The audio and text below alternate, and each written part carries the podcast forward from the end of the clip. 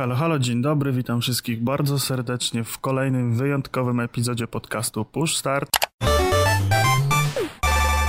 Ja jestem Dariusz Wadariowoźniak i jest ze mną Pimol. Cześć, cześć wszystkim. I dzisiaj mamy na tapetę taki trudny temat, jakim jest ludologia, czyli nauka o grach komputerowych, w sumie tak w skrócie. I troszeczkę sobie pogadamy o tym, co tam w psychologii, humanistyce i innym badaniu gier komputerowych słychać. Ale na początek omówimy sobie newsy.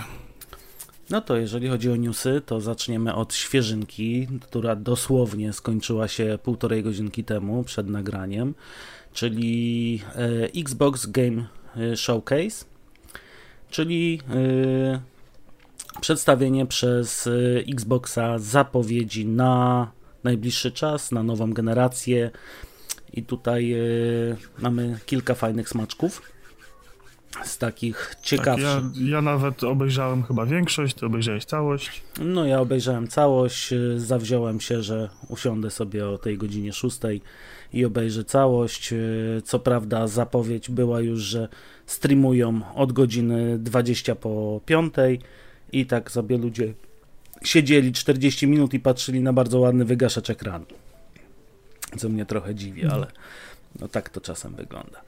No i z takich y, ciekawszych informacji, jakie uzyskaliśmy y, podczas tej prezentacji, to wydaje mi się, że jest na przykład informacja o nowym DLC do Outer Worlds, czyli mojego takiego konika. I się bardzo cieszę z tego, z tego faktu. Wejdzie on do Game Passa we wrześniu, dokładnie 9 września. Yy, widzieliśmy również zapowiedź gry Grounded, którą już też omawialiśmy, na którą czekaliśmy przy omawianiu y, pozycji na 2020 rok, na początku roku. Y, też 28 y, lipca doczekamy się już w wersji również w Game Passie. W ogóle wszystkie pozycje, które były pokazane na tej prezentacji będą dostępne w Game Passie, bo są to głównie produkcje Microsoft Studios. Więc one tu wszystkie należą do Microsofta.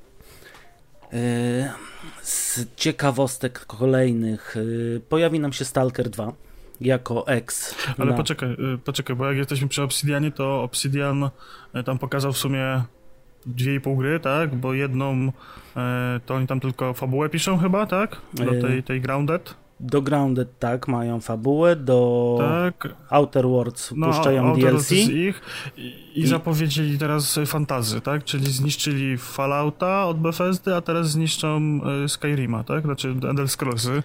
No. Z tego co widziałem, to gierka, za, gierka zapowiada się miodnie. Jestem ciekawy, czy będzie trochę więcej rzeczy niż w The Outer World chciałbym, żeby gra była trochę głębsza. No tutaj patrząc na, na, ale... na, te 15 sekund, które pokazali obecnie, to myślę, że możemy się spodziewać czegoś większego, bo to jest y, w moim odbiorze takie Diablo w wersji first person. Bo widzieliśmy ja miecze bardziej, i widzieliśmy ja właśnie... łuki, widzieliśmy ja jakąś magię. -hmm. Ja właśnie bardziej liczę, że to będzie takie coś ala The Elder Scrolls, Mhm. Na zasadzie, że no jakiś tam świat fantazy, bardzo fajnie magia. Spodobało mi się ten, ten cały taki kreślenie run tą ręką, no to ta animacja, mhm. plus potem te marvelowskie pierścienie takie, co tam były. No właśnie, tym, bardzo fajnie. W Doktorze Strange. Bardzo było widać właśnie w komentarzach, że Doktor Strange. No, także spoko to wyglądało.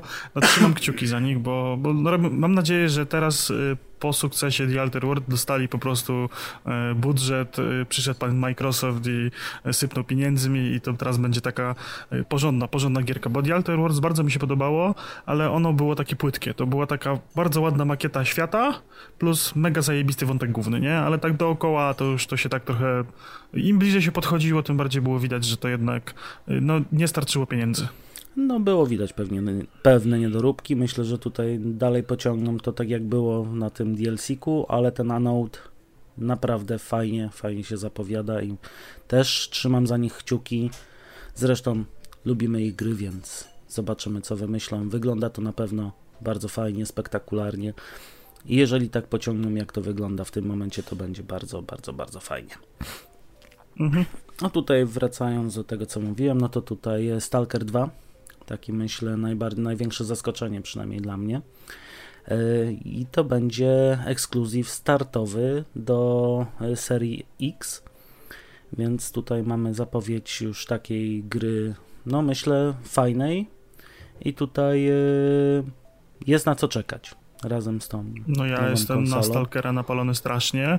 Yy, tylko tak, właśnie nie wiem, czy ja dobrze zrozumiałem, bo ja to tam gdzieś w przelocie sobie oglądałem. On będzie dostępny na start konsoli, tak? Na jako start ekskluzyw? konsoli, tak. To ma być właśnie Aha, jako czyli... ekskluzyw, launch ekskluzyw yy, dla serii X. Więc Aha, czyli gra już... wyjdzie teraz, teraz już zaraz, tak? Na jesień. No dokładnie tak, myślę, że listopad. No to fajnie, bo, bo długo już czekamy na tego Stalkera. Jedyne co mnie martwi to to, że jednak Stalker to jest taka silnie pecetowa gierka, silnie pecetowa marka i z jednej strony mam obawy, czy skonsolowienie jej nie spowoduje jakichś tam uproszczeń czy innych rzeczy, czy pójście na ustępstwa w pewnych kwestiach.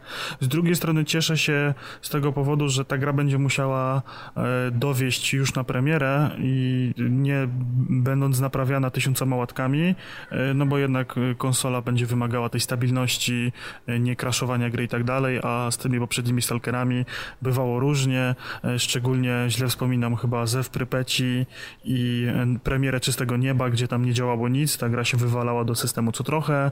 E, miałem też duże problemy z cieniem Czarnobyla i tam z wykorzystywaniem pamięci dostępnej w PC, tam takie różne rzeczy się działy. Mam nadzieję, że no, dzięki temu, że na konsolę to, te błędy znikną i nie będzie ich, bo to się powtarzało przez trzy gry tak naprawdę de facto. No i liczę na tą fabułę, że tam jednak no, Stalker dla mnie to jest taka bardzo bliska sercu Mareczka i, i tam i książki i, i, ten, ten, i ten film, coś mi kiedyś tam omawiali e, i giereczki, to ja to bardzo lubię, lubię larpy, także mam nadzieję, że to będzie właśnie znowu taka gierka klimatyczna, że gdzieś tam będzie te, te questy, gdzieś będą te zadania, ale w pierwszej kolejności będzie ten e, świat, ten environment storytelling będzie, będziemy sobie mogli zwiedzać te, te pustkowia, te anomalie, e, badać tam po kolei i na to liczę, no. Mm, no ja tutaj też jestem mile nastawiony do tej gry. A tu wspominając, że będzie Xem na serię X, no to nie możemy, nie możemy zapominać, że na pewno będzie również na PC, bo to wszystko, jak wiemy, no, w Microsoftie gra. będzie też tak, tylko z tego, co właśnie gdzieś tam mi się obiło uszy, ona najpierw będzie tylko na konsolę dostępna, mhm. potem wyjdzie na PC, a potem wyjdzie też na PlayStation. Mhm. No to podobnie jak... Tylko właśnie nie, nie wiem, czy równo z PC tam wyjdzie na PlayStation, czy, czy jak to będzie, ale w każdym bądź razie na starcie konsoli będzie to tylko gra na właśnie e, tylko Xboxa. No i bardzo fajnie. Ja się cieszę, może, może sprawi to tyle, że jednak tego Xboxa z nowej generacji zakupię na premierę. Kto wie. E, kolejnym takim e, tutaj grom generacji, w cudzysłowie to powiem, miało być Halo Infinity e, i patrząc na to, co zaprezentowali, powiem tak, może kolokwialnie takie se. Bo ani grafika nie powala, ani ta historia tam pokazana też nie powala, bo dzisiaj widzieliśmy demko. E, I powiem szczerze, no nie, nie porwało mnie to Halo. Nie wiem, co ty na Wiesz ten co, myślisz? ja zauważyłem taki problem, że e, część gier, bo tam kiedyś e, po, e, powiedzieli, że wszystkie gierki, które będą wychodziły na Xboxa Series X, będą działały na Xbox One, żeby tam przynajmniej przez dwa lata chyba tak powiedzieli. Ale zauważyłem na tych planszach zapowiadających gry, że niektóre gry miały wypisane Xboxa One i Series X i PC, a niektóre miały tylko Xboxa Series X i PC wypisane. I te, które miały E, tylko tego właśnie Series X i PC wypisane, powtarzam się w kółko, ja pierdzielę, e, tego się słuchać pewnie nie będzie to, e, wyglądały, zdecy wyglądały zdecydowanie lepiej.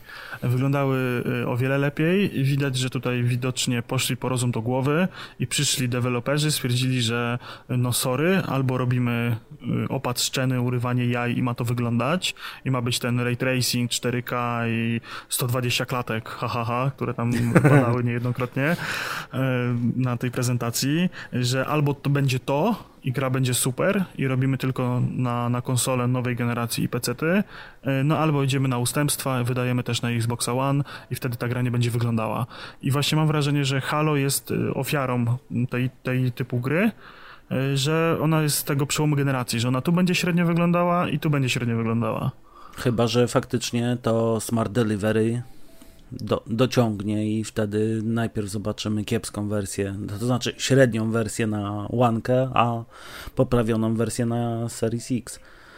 Więc możliwe, że to będzie, bo też to podkreślali, że będzie y, bardzo mocno wykorzystany ten Smart Delivery, o którym rozmawialiśmy w ostatnim odcinku. Tutaj... Ale widzisz, to musiałoby się wiązać z naprawdę sporą zmianą w samej grze, bo wiesz, to przynajmniej tak mi się wydaje, że nie jest to proste zwiększenie na przykład samej liczby poligonów na modelach, tak? Czy samej, bo wiesz, samą rozdzielczości tekstur, no to sobie podciągniesz, tak? Ale te modele dalej mają e, taką samą geometrię, nie? Więc tutaj za bardzo nic z tym nie zrobisz. E, to dalej będzie wyglądało tak samo, tylko na przykład no, nałożysz ten ray tracing, będą się te promienie odbijać i dasz większą rozdziałkę, tak? I to będzie tyle ale w momencie, jak sobie zwrócisz uwagę na przykład na, na Forze, tak? Mhm. To, był, to było widać, że ten, ten chyba reboot to jest, bo to bez numerka podawali, tą Forza Motorsport. No, e, to tak. było widać od razu, że to jest gra na nową generację. Tam nawet drzewa, które gdzieś tam w przelocie były, tak? To było widać, że mają dużo poligonów, dobre tekstury, że to wszystko tam jest dograne na ostatni guzik, nie? A robienie czegoś na poprzednią generację e, z małą liczbą poligonów, żeby te, gry, te konsole uciągnęły, no bo nie oszukujmy się, te konsole są już trochę przestarzałe. E, mój playak e, już przy nowych gierkach wyje tak, że sąsiedzi słyszą, że gram z czwartego czwartego piętra. Mhm. Myślę, że Xbox ma podobnie, e, jeżeli chodzi o chłodzenie i o wydajność, że, te, że już, już się te konsole męczą, więc e, wiesz, to nie jest kwestia kilku tych poligonów, tak? Tylko to myślę, że to są tak duże zmiany już w samej strukturze modeli, żeby to tak wyglądało, że sama łatka może tego nie poprawić. To tak samo miało być między PlayStation 4 y, a PlayStation 4 Pro, że tam miały być łatki, miało być super lepiej w ogóle. No nieprawda, te gry dalej wyglądały tak samo, po prostu miały tylko podciągnięte rozdzielczości i to nie, nie wszystkie, albo był wybór między rozdzielczością a klatkami. I to tak naprawdę zbyt wiele nie zmieniło. I w sumie do końca generacji, no ja miałem się przesiąść na to PlayStation 4 Pro, ale uznałem, że nie ma najmniejszego sensu, bo po prostu no, konsola będzie mi chodzić tylko ciszej i będę ją tu 4K natywnie obsługiwane, którego i tak nie wszędzie było, więc mhm. tak trochę bez no, sensu. No ale tu, tu mówisz o łatkach. E, tutaj Smart Delivery, przypomnę, nie ma polegać właśnie na łatce, tylko ma być to yy, ponownie dociągana wersja gry na wyższą generację. To nie będzie tak, że będziemy dostawać łatkę do no tak, uzupełnienia, tak. tylko po prostu będzie to yy, kolejna wersja gry wydana na kolejną generację i tutaj ja przynajmniej mam taką no właśnie, nadzieję, no że oni już mają zrobioną wersję Halo na powiedzmy serię X i ją zdowngradują do łanki, dlatego ona wygląda tak jak wygląda. Ale jak to będzie, to się okaże. No to chyba, no to właśnie chyba, chyba, że tak, bo właśnie średnio bym wierzył w to, że zrobili dwie wersje gry na dwie konsole, nie? I właśnie całe to, jak sobie tak ostatnio myślałem na temat tego Smart Delivery, to właśnie bardziej obstawiam, że będą to na zasadzie takiej tej łatki dostosowującej rozdzielczości i klatkarz. Że raczej wątpię, żeby deweloperzy robili dwie gry, no. No ale tak jak spójrzmy sobie chociażby na GTA 5, które wychodziło, wychodziło na trzy generacje konsol już, w cudzysłowie możemy zaznaczyć, bo na PS5 wiemy, że też będzie. To y, widać te różnice i to nie jest myślę sama łatka, że tam jest trochę pracy włożone na to, żeby zmienić tą generację. No może, oby, oby. oby. Trzymam kciuki. Ja, ja tylko wy, wyrażam swoje chęci, jakie myślę, że chciałbym, żeby tak było. W ten sposób to ujmijmy. Tutaj z takich, yy, przejdźmy sobie dalej może do ciekawostek, bo jako ekskluzyw, też właśnie startowy, została wymieniona gra Tetris Effects yy, z dopiskiem Connected. Jak yy, wiemy, Tetris Effects również jest ekskluzywem na PlayStation 5. Więc tutaj jest dodanie jednego słówka i robimy ekskluzyw na Xboxa? Wiesz co, ja myślę, że kluczem są te kamerki, które były na początku. Ja mhm. obstawiam, że to będzie taki multiplayer na zasadzie Y, jak był ten Battle Royale, nie, od, od Nintendo, mm -hmm. to myślę, że tu będzie na podobnej zasadzie, że y, ilość tam graczy będzie miało klocki, które będzie dokładało w swojej kolejności, w swojej turze i po prostu klocki będą ich twarzami, czy tam awatarami, czy kamerkami mm -hmm. i mhm. tutaj wróżę już y, klocki ze zdjęciami penisów, to jest na pewno, to, to jestem jest. więcej niż pewny, że tak będzie i myślę, że tutaj, że, że to idą w takim, w takim kierunku. No właśnie dziwnie to wyglądało na tej prezentacji, zwłaszcza, że był taki podział, że część była pokazana z tymi e, awatarami, z tymi twarzami, a część była po prostu podzielona, jak gdybyśmy mieli czterech różnych graczy, cztery różne plansze i kto szybciej, kto szybciej zbije te klocki. Natomiast no tutaj... Może, może, będą, może będą różne tryby, nie? No dokładnie, ale śmieszy mnie po prostu sam fakt uznania tego jako ekskluzyw na Xboxa, skoro dokładnie ta sama gra, tylko w solo będzie na PlayStation. Tylko, że PlayStation jeszcze dodaje z tego co wiemy VR-a do tego i podobnież wtedy są super, super gra jest. Natomiast no, przy Xboxie myślę, że może być to troszkę biedne. No pożyjemy, zobaczymy, no, jak to wiecie. Tetris y, nie jest jakąś grą, która by budziła we mnie jakieś wielkie emocje. No dlatego też mówię, no tutaj na PlayStation wiem, że się fajnie ogrywała, bo ona chyba już jest dostępna nawet na czwórkę, bo jest po prostu w VR-ze, w tej wirtualnej rzeczywistości trochę fajniej podobnież wygląda, e, ale pożyjemy, zobaczymy, no tak jak mówię, nie wróżę wielkiego sukcesu temu Tetrisowi i może, żeby też nie przedłużać tutaj tego showcase'a, to tak jeszcze na szybciocha wymienię, co było yy, przedstawione i tak pokrótce sobie jeszcze dopowiemy dwa, trzy słowa, żeby też nie ciągnąć tego tematu, żeby nie zrobić tego tematem odcinka. Yy, to będziemy mieli mhm. tak, grę Everwild, yy, bardzo fajnie się zapowiadający taki indyczek, grupka droidów, druidów, nie droidów, yy, będziemy sobie współgrać z naturą i coś tam robić. Yy, kolejna gra Tell Me Why. Graficznie myślę tragedia, fabularnie fajnie się zapowiada, coś w stylu yy, Life is Strange. No, Ori and the Will of the Wisps dostanie yy, łatkę graficzną, w cudzysłowie to nazwijmy na 120 klatek na sekundę, że będzie nam wyświetlać, że będzie polepszona do serii X, będzie po prostu lepiej się wyświetlała. As Dusk Falls, y, taka interaktywna dramka. Oczywiście nie mogło braknąć nam Hellblade 2. Y, kolejną grą, która bardzo fajną prezentację miała, to byli Psychonauci 2 i Jack Black, który śpiewa nam w podkładzie. Y, bardzo, bardzo. Ja się tak tu wtrącę, bo ten Jack Black, mhm. to ja tak obstawiam, Boże, jak się ta gierka nazywała, o tych metalowcach. Jezu, wyleciało mi. Sekundę temu wiedziałem. E, e, dziura w mózgu. Była taka gra e, właśnie w, o, w heavy metalowym świecie. Tam bóstwo heavy metalowe, tam się jeździło mhm. motorkami, na gitarach grało. Nie przypomnę sobie, nie? Mm, nie, nie. Brutal Legend? O, właśnie, Brutal Legend. No już sobie Steam odpalałem, żeby sprawdzić. I tak obstawiam, y, że to było taki mrugnięcie okiem, że Brutal Legend 2? O, no, ale fajnie, fajnie właśnie to było zrobione, ta zapowiedź i... Ale tak psychodelicznego trailera, powiem szczerze, dawno nie widziałem. Jak przy psychonaucie. No, mocno był pojechany, tak, tak. Gra będzie mocno... Kwas wjechał po całości. Tak, będzie mocno po prostu szarpać nam mózg. No to lecimy dalej. E, Destiny 2 Beyond Light. E, Bungie udostępni w Game Passie wszystkie dodatki i cały Destiny 2 w dniu 10 listopada.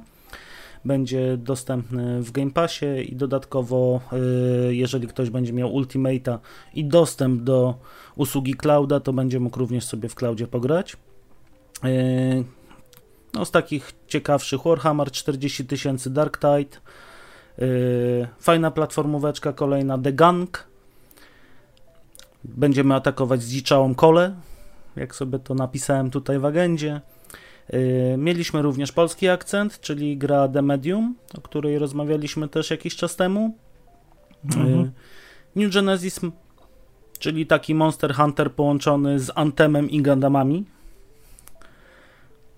I Crossfire X od Remedy, też się fajnie zapowiada, fajnie to wszystko wygląda i na sam koniec jeszcze dorzucili nam Fable, taki bardzo krótki trailerek, który tak naprawdę nie zapowiedział nic, czy to ma być czwórka, czy to ma być jakiś remaster, czy... Nie no, zapowiedzieli, że to będzie, znaczy zapowiedzieli, że nie ma numerka, więc mhm. myślę, że to nie będzie czwórka, tylko albo reboot serii. A, albo remaster.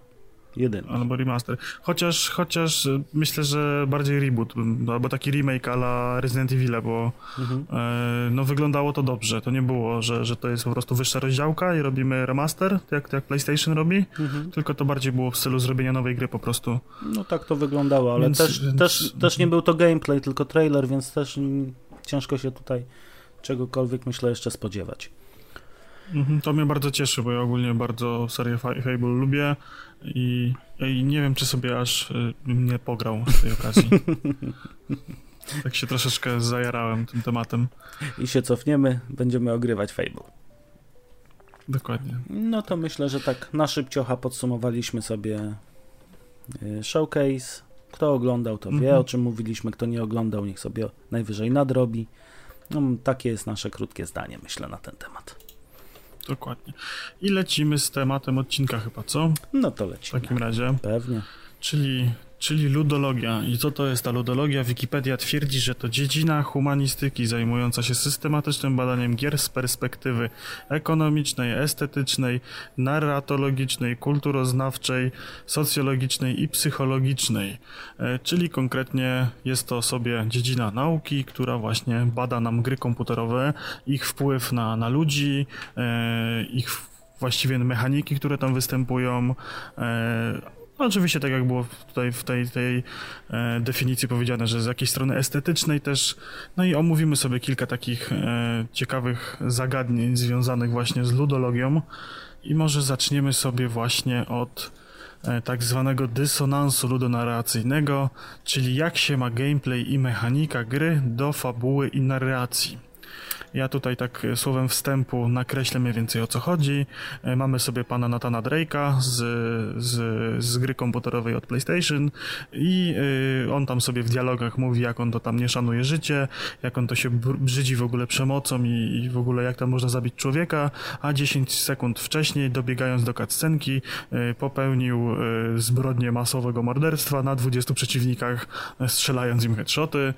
Kolejnym takim przykładem jest ten reboot, remaster, remaster reboot Tomb Raidera, mhm. ta pierwsza jego część, e, gdzie Lara poluje na jelonka, no i bardzo płacze nad tym jelonkiem, że ona go zabiła, że go musi teraz zjeść, a e, scenę wcześniej podrzynała gardło przeciwnikom. I to jest właśnie taki dysonans, że z jednej strony mówi nam się, że coś jest złe, że coś nie wypada, e, że jakieś zachowania są nieodpowiednie i tak dalej, a tak naprawdę kilka sekund później lub wcześniej jesteśmy zmuszeni, bo nie ma tak naprawdę innego wyjścia e, do złamania tego, co było powiedziane w jakiś sposób właśnie fabularnie czy narracyjnie, tak? No nie tylko, myślę tutaj dysonans też możemy odnieść poza tym, że może nie tyle nie mamy wyboru, co ogólnie jest to taka y, w moim mniemaniu bardziej hipokryzja po prostu pokazania tego, co jest w fabule w narracji i nie trzymanie się kupy z tym, co robimy. Dla mnie takim przykładem fajnym dysonansu do narracyjnego jest gra Max Payne w której mamy człowieka, który szykuje sobie jakąś tam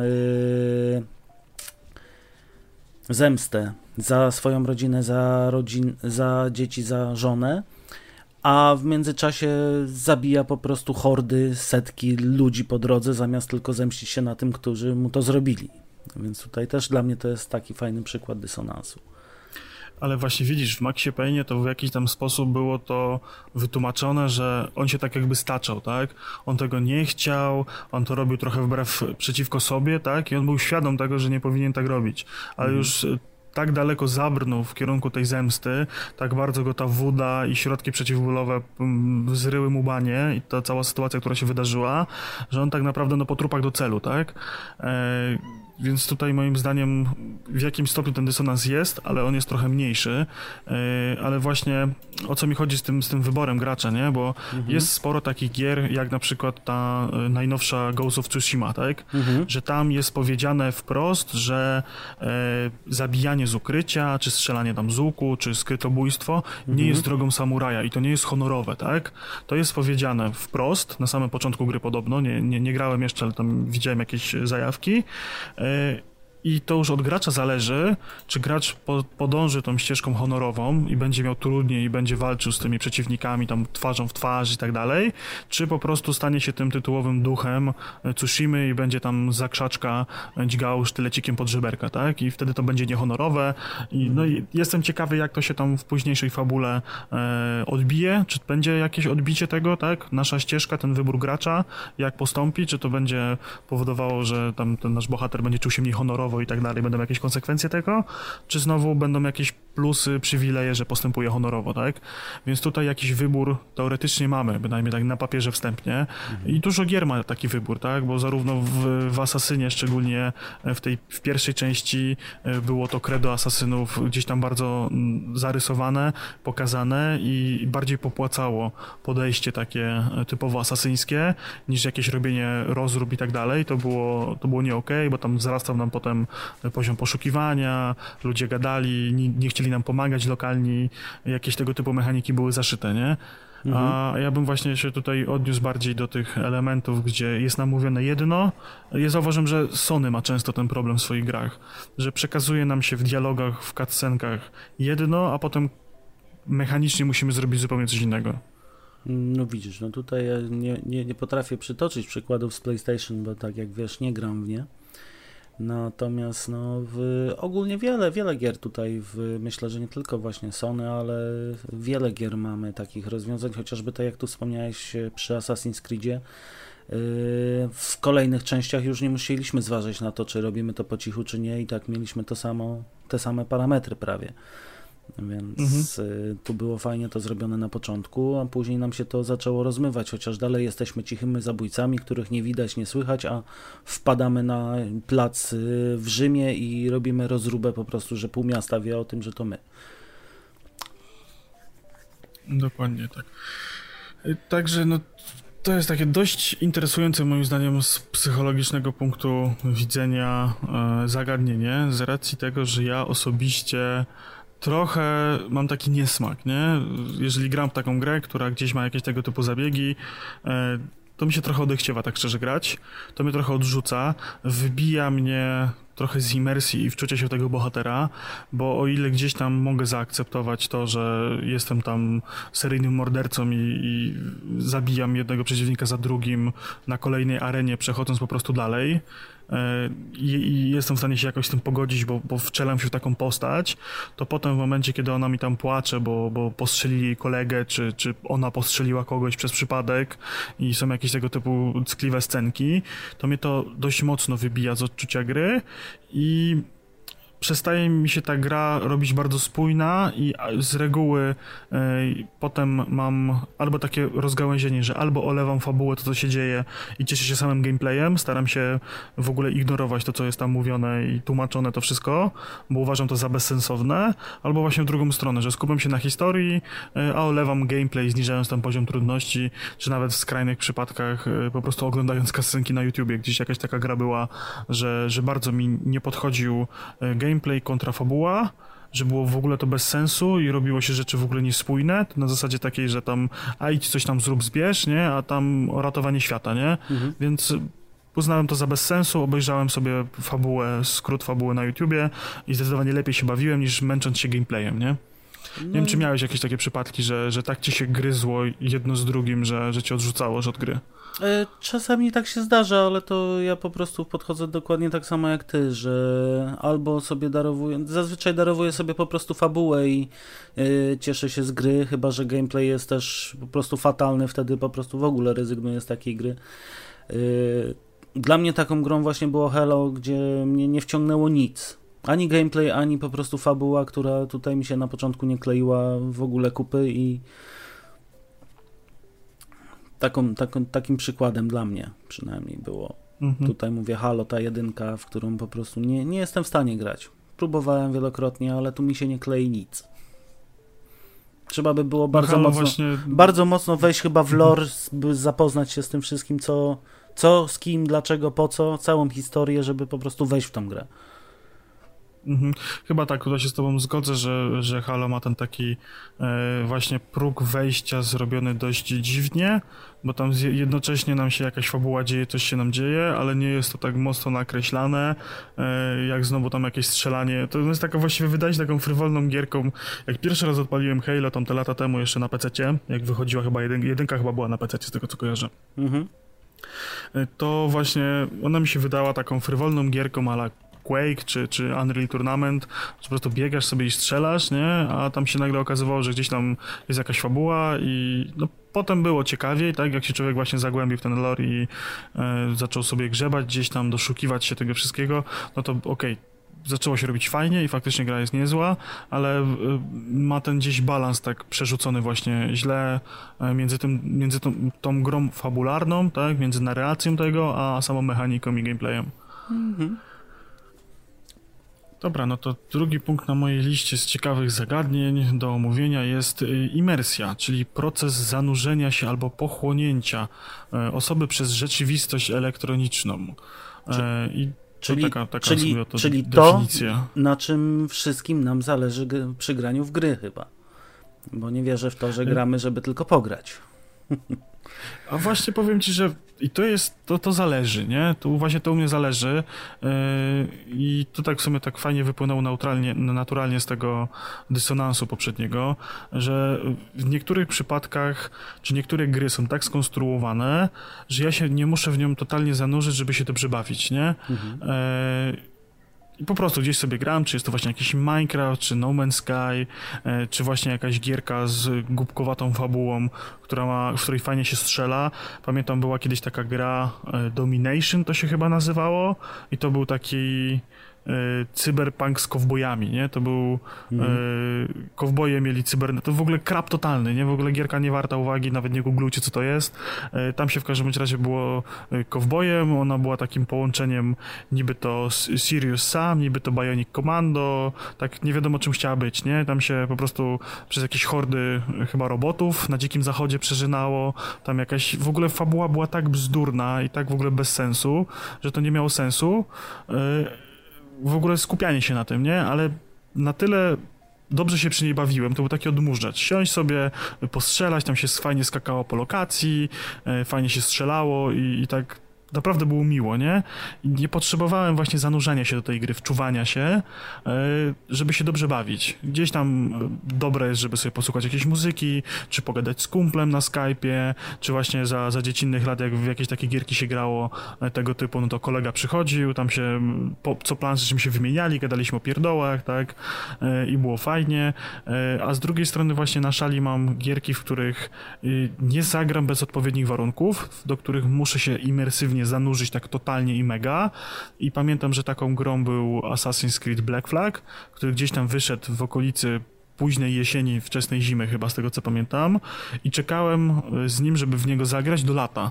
Bo o. źle się czułem, pływając po Karaibach, czy tam innych, innych morzach i wysepkach, które tam są w grze, po prostu w zimie, nie? Mhm miałem tak, że, że było mi po prostu dziwnie I, nie mogłem czuć pełnej satysfakcji z grania w momencie, kiedy siedziałem w sweterku z kakałkiem pod kocykiem z padem w ręce, tylko musiałem mieć gorąco, upał, wiesz, siedzieć, siedzieć w samych gaciach z wiatrakiem na twarzy i rozpuszczać się i wtedy miałem przyjemność z grania w tą grę. Nie? I, muszę, i wtedy, wiesz, muszę mieć poza tym, że tam jakieś warunki pogodowe, że właśnie w takie gry na przykład letnie nie gram zimą i na odwrót, w gry, które się dzieją zimą nie gram, nie gram w lecie, Ostatnio tak się dziwnie bardzo mi grało w Red Deada, w ten prolog, który dział się właśnie w zimie. Mhm. Strasznie jakoś tak nie, nie, nie swojo się czułem. E, jak tam ten bohater zamarzał, śnieg i tak dalej, nie? A ja się rozpuszczam, bo green screen za mną, komputer grzeje i w ogóle 30 stopni na dworze. I tak właśnie wybijało mi to z imersji.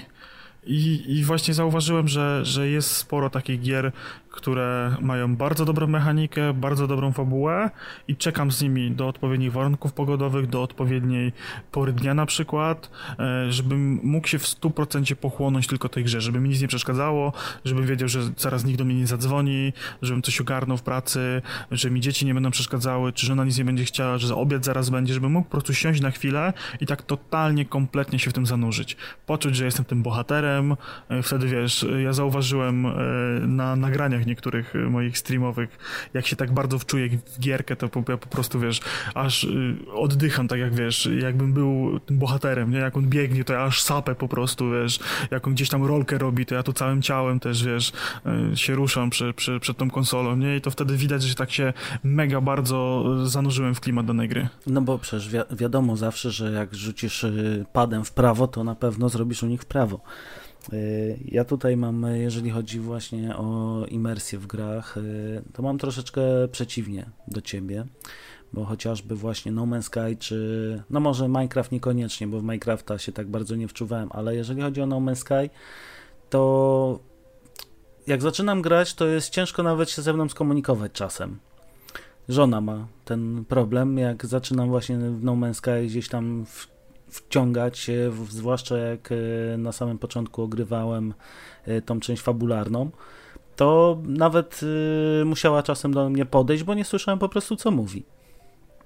Tak się wciągałem w ten klimat, w ten po prostu w tą grę, że miałem wrażenie, że siedzę w tym po prostu w, w statku, robię to wszystko jak gdyby siedząc tam. Bardzo, bardzo po prostu mnie ta gra wciąga. Yy, tu podobnie Red Dead Redemption Dwójeczka, no to jest gra, w którą i ja i moja żona w ogóle wsiąknęliśmy. Ja miałem ograne ponad 100 godzin, żona ponad 270 już ma ograne i też jest y, właśnie taka sytuacja, że jak y, gramy w Red Deada, to nie może być telefon włączony, nie może być y, gdzieś tam telewizor w, w drugim pokoju, czy tego typu rzeczy, bo po prostu wybijają, wybijają nas już z tej imersji i nie jest to samo. Chociaż nie mam tego, co ty, że nie potrafię grać, e, to znaczy nie tyle nie potrafię, co nie przeszkadza mi na przykład granie w gry zimowe latem, czy y, gry letnie zimą. I tutaj y, dla mnie jest to właśnie taka fajna odskocznia w drugą stronę, że jak zima jest i sobie grałem w Black Flaga, to miałem taką odskocznię po prostu w domu, zamknięte okna, wszystko ciepło w chałupce, pod tym kocykiem jest mi ciepło i na zewnątrz, i w grze też widzę, że jest ciepło, więc tutaj może bardziej w tą stronę podchodzę. No widzisz, nie, to, to jest takie moje ewidentnie skrzywienie. Ja właśnie pamiętam a propos tego, e, tego wchłonięcia się w grę, w tą imersję, że Microsoft kiedyś e, chciał zrobić taką przystawkę do Xboxa, jeszcze chyba wtedy 360, e, która miała być takim ale laserowym projektorem, który miał wyświetlać na pomieszczeniu elementy z gry. O. Nie wiem, czy kojarzysz coś takiego, było zapowiedziane. Nie, nie, nie, nie, nie, nie kojarzę była, ona miała z Kinectem ta, ta technologia jakoś współpracować. Mhm. Ja pamiętam, że tam była właśnie taka reklama, ja nie wiem, czy nawet nie ze Skyrimem, że, że właśnie była symulacja e, padającego śniegu w pomieszczeniu, nie?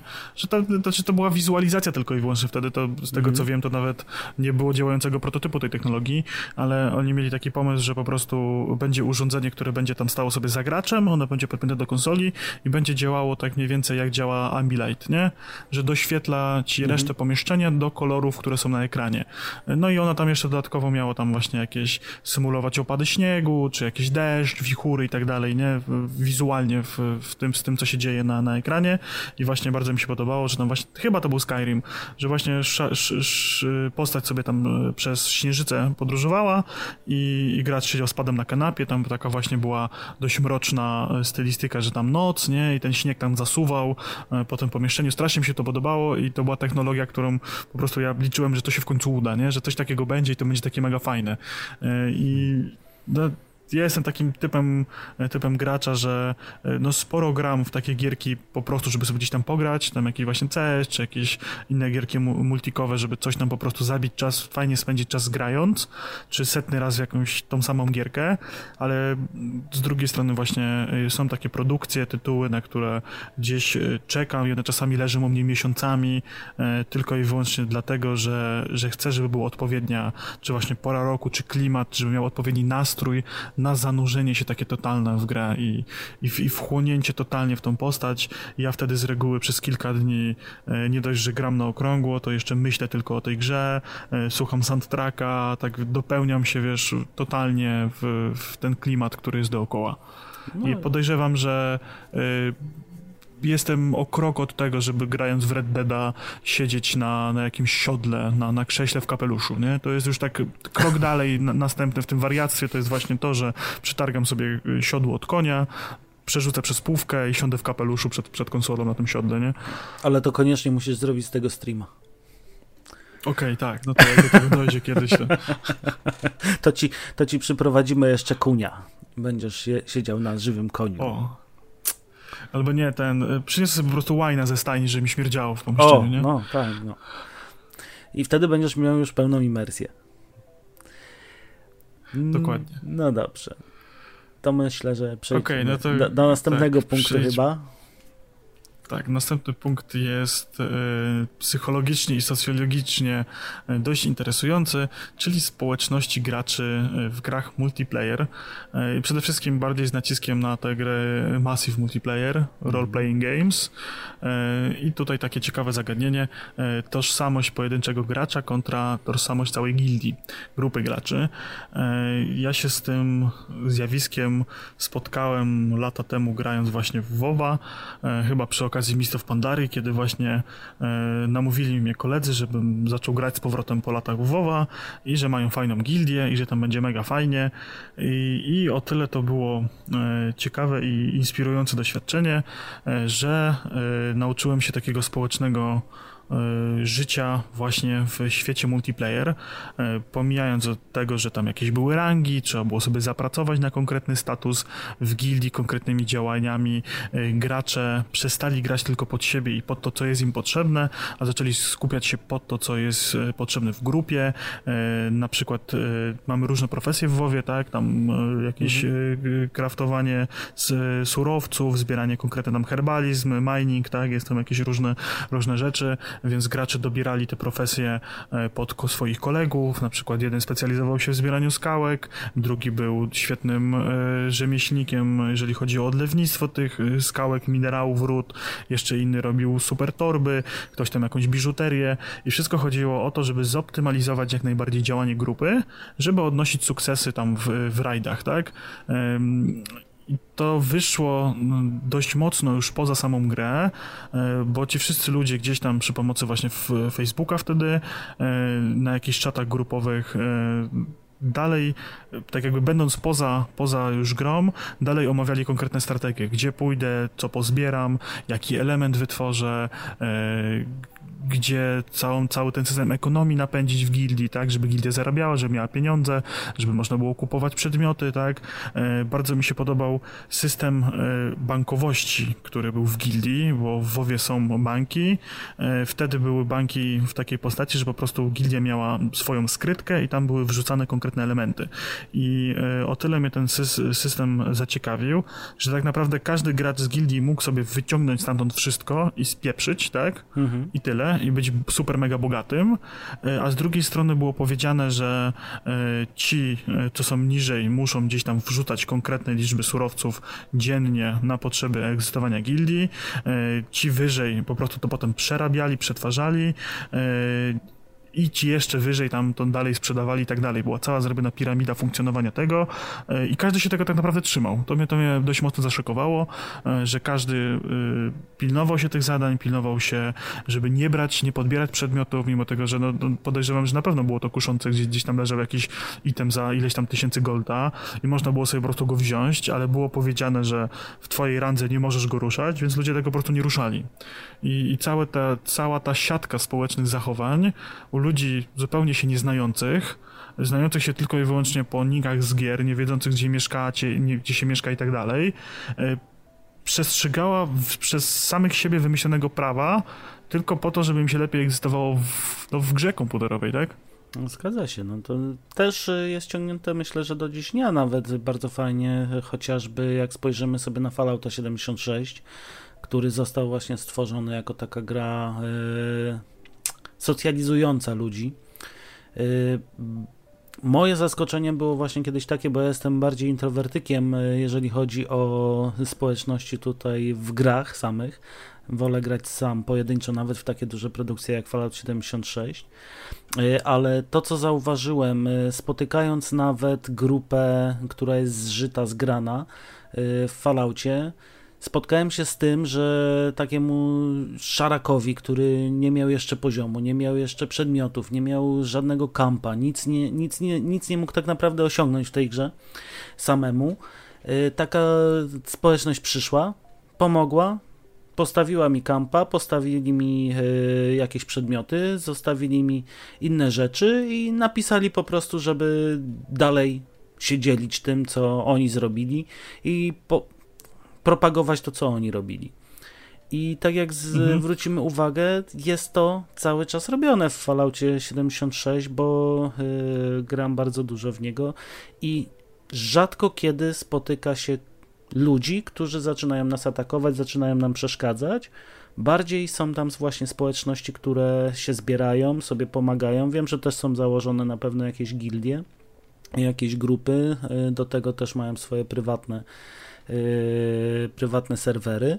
Natomiast są nawet takie społeczności oficjalne, publiczne, które yy, wcielają się już tak mocno w tej grze, w swoje role, że mamy całą społeczność, yy, która ma swojego króla w cudzysłowie, to nazwijmy, ma swoich ministrów, ma poddanych, którzy właśnie funkcjonują jak normalne państwo. To jest w ogóle kolejne zagadnienie, które mnie bardzo mega fascynuje, że ludzie właśnie na serwerach e, tych roleplayowych potrafią się mega wczuć. Ja byłem w ciężkim szoku, jak odkryłem, że e, w WoWie e, są dwa języki dla hordy i dla aliantów. Na przykład y, hordziacy mają tam, tam kek, nie? Zamiast lol. Mhm. I, I, to było dla mnie, wiesz, takie, że piszesz na czacie lol, a, a ludziom z, z aliantów wyświetla się to jako kek, nie? Żeby tak mhm. jakby, wiesz, że jest zrobione to, że się tak jakby trochę nie rozumiemy. Dodatkowo właśnie y, zawsze byłem w ciężkim szoku, że ludzie odgrywają jakieś konkretne postacie w grze. Logują się codziennie o tej samej godzinie, żeby na przykład jako mnich panda pomedytować e, w jakimś tam zagajniku, bo jego postać codziennie o wschodzie medytuje. No, to, to taki... no i, i, koniec, i koniec, kropka, nie? I, I, wiesz, i nie ma jakiejś dyskusji na czacie, e, że co tam w robocie i tak dalej, tylko nie, totalnie, jesteś tą postacią swoją, jak jesteś druidem, to, to gadasz o drzewkach, krzaczkach i, i tak dalej, jak jesteś wojownikiem, to tam for the horde i tam krzyczysz i nakurwiasz tarczą, nie? Mhm. Ja, ja sobie w ogóle w takich ludzi to widzę, że on siedzi faktycznie w tym hełmie e, warriora przed biurkiem i, wiesz, to jest, z mieczem jest, przed klawiaturą. Mhm, tak. I wiesz, i, i, ludzie w grze, w której nie ma mechaniki tam jedzenia i picia, w sensie, że nie musisz zaspokajać głodu, chodzą do karczmy, jedzą, piją, bo ich postać musi, nie? To jest takie pełne, totalne wczucie się w grę i ja to mega szanuję i to mnie mega fascynuje w ogóle jako, jako zjawisko. No to tutaj taki fajny przykład też ci podam. Y, też z Fallouta 76 człowieka, który y, zaczął grać jako y, żebrak po prostu zrobił sobie swoją chatkę tam z drewna, postawił i żebrał. Nie miał nic, nie zbierał nic, po prostu prowadził grę w ten sposób, że on jest biedny, że nie jest niedołężny, że on nie może i yy, gracze, którzy się z nim spotykali, po prostu traktowali go jako NPC, których jeszcze w tamtym czasie nie było i po prostu mu pomagali. On zlecał ludziom różne zadania, że potrzebuje tam jedzenia, potrzebuje tam y, jakichś napitków, bo wiemy, że w Falloutie właśnie te potrzeby trzeba spełniać, y, że potrzebuje jakiegoś dachu nad głową, że jakiś zwierzątek, czegoś i on po prostu w, w, wżywał się z rolą NPC i spędzał w grze ponad 12 godzin dziennie. Mhm, to jest, to jest dla mnie coś, coś super, no. No także co, myślę, że przejdziemy sobie dalej. Dalej mam takie zbiórczo kilka ciekawych e, właściwie no informacji, myślę, że też do dyskusji trochę, trochę ciekawego tematu, czyli jak gry wpływają na ludzki mózg. I było robionych kilka e, badań. Mm, przy tutaj wyciągnąłem sobie kilka po prostu ciekawszych. E, na przykład było takie badanie, które odnosiło się do orientacji w terenie i ono było brane tam na, na, na przykładzie taksówkarzy w Londynie, bo tam jest jakiś bardzo trudny egzamin na zostanie taksówkarzem w Londynie. Trzeba bardzo dobrze na pamięć wiedzieć, jak dojechać w konkretne miejsca. Z tego, co, co się orientuje, to po prostu egzamin wygląda w ten sposób, że podchodzi do nas egzaminujący, podaje nam jakiś adres i musimy mu powiedzieć, jak dojechać. Na zasadzie, że jadę taką i taką ulicą, skręcam w taką i w taką ulicę, e, potem jadę w taką ulicę, tak? I po kolei najkrótszą trasę wytyczyć sobie z pamięci. A to tu ci I przerwę wiem, że tam... na chwilkę, bo mhm. takie testy również były u nas w Polsce do bodajże 2012 roku robione. Y, I każdy taksówkarz, żeby otrzymać licencję, musiał przejść takie testy. Natomiast później zastąpiła nam to technologia i wystarczyło, że mamy GPS w samochodzie. No, to, to, to, to, ciekawe, to tego nie wiedziałem, że w Polsce też takie testy były. W każdym bądź razie właśnie tam, żeby dostać e, tą licencję, żeby jeździć po Londynie, to no może już teraz faktycznie nie trzeba, bo mamy GPS, ale wiem, że w momencie tam te kilka lat temu, kiedy było robione to badanie, e, to takie były wymogi. E, no i naukowcy zauważyli dość ciekawą zależność u osób, które się uczyły do, do, do, do, tego, te, do tego testu, że rośnie im objętość hipokampu, czyli hip, hip, hipokamp to jest taka część w mózgu odpowiadająca odpowiadająca właśnie za e, konsolidowanie informacji, przenoszenie pamięci krótkotrwałej do długotrwałej oraz orientowanie się w przestrzeni. I ktoś wpadł na pomysł, żeby skorelować e, to z mózgami graczy. I okazało się, y, że już dwa, że brali osobę, która tam nigdy nie grała w grę komputerową, tak? Zmierzyli jej obie, tą powierzchnię mózgu, sprawdzili jak, wygląda ten hipokamp i odpalili jej grę na 20 minut i wykonali ponownie rezonans, tak, e, głowy. I okazało się, że po 20 minutach grania już e, o tam jakiś niewielki ułamek procentowy, ale hipokamp już się powiększył. E, oczywiście musi, to nie, nie, nie tak, że we wszystkie gry, tylko to o to chodziło, że to musiały być gry trójwymiarowe, e, gry z względnie tam otwartym światem, gdzie możemy się jakoś poruszać, czy to właśnie podróżować po mieście. E, najlepiej byłoby, gdyby dało się w takiej grze wyłączyć minimapę, ewentualnie, żebyśmy nie mieli jakiegoś konkretnego celu do e, wyznaczonego na tej minimapie, tylko żebyśmy po prostu na orientację musieli gdzieś dotrzeć.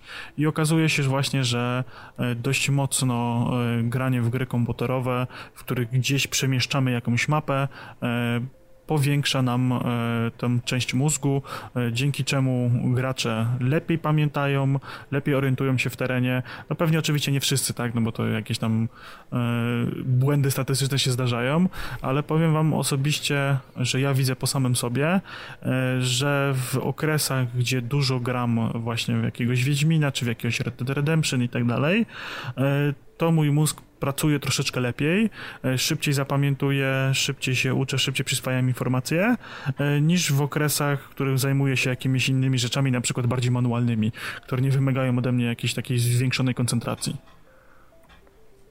Tu nic dodać, nic ująć. Nic dodać, nic ująć, okej. Okay. E, kolejnym takim ciekawym e, badaniem, które zostało, też przeprowadzone, e, to jest koncentracja. I okazało się, że wzięli sobie tam dwie grupy ludzi. Jedną, która deklarowała się, że, że nie gra w gry komputerowe, a druga, że chętnie gra i gra dość sporo i jest zapalonymi graczami. I okazało się, że gracze tak kolokwialnie mówiąc, mają bardziej wydajne mózgi, e, czyli zużywają mniej energii e, do tego samego zadania e, z dziedziny koncentracji. Tam chodziło konkretnie o, o śledzenie różnych obiektów, taką grę w memo, zapamiętywanie, skupianie się na jakichś szczegółach konkretnych rzeczy, opisywanie potem tych elementów. No i co ciekawe, okazało się, że grając w gry first person shooter, w jakiegoś Duma, czy w jakieś inne szybkie strzelanki, gracze e, bardzo szybko zapamiętują całość ogółu tego, co się wydarzyło, czyli układ mapy, gdzie pójść i tak dalej, ale ze szczegółami mają problem, a znowu osoby grające lepiej zapamiętują poszczególne szczegóły, e, ale nie są w stanie odnaleźć się już w przestrzeni e, całej planszy.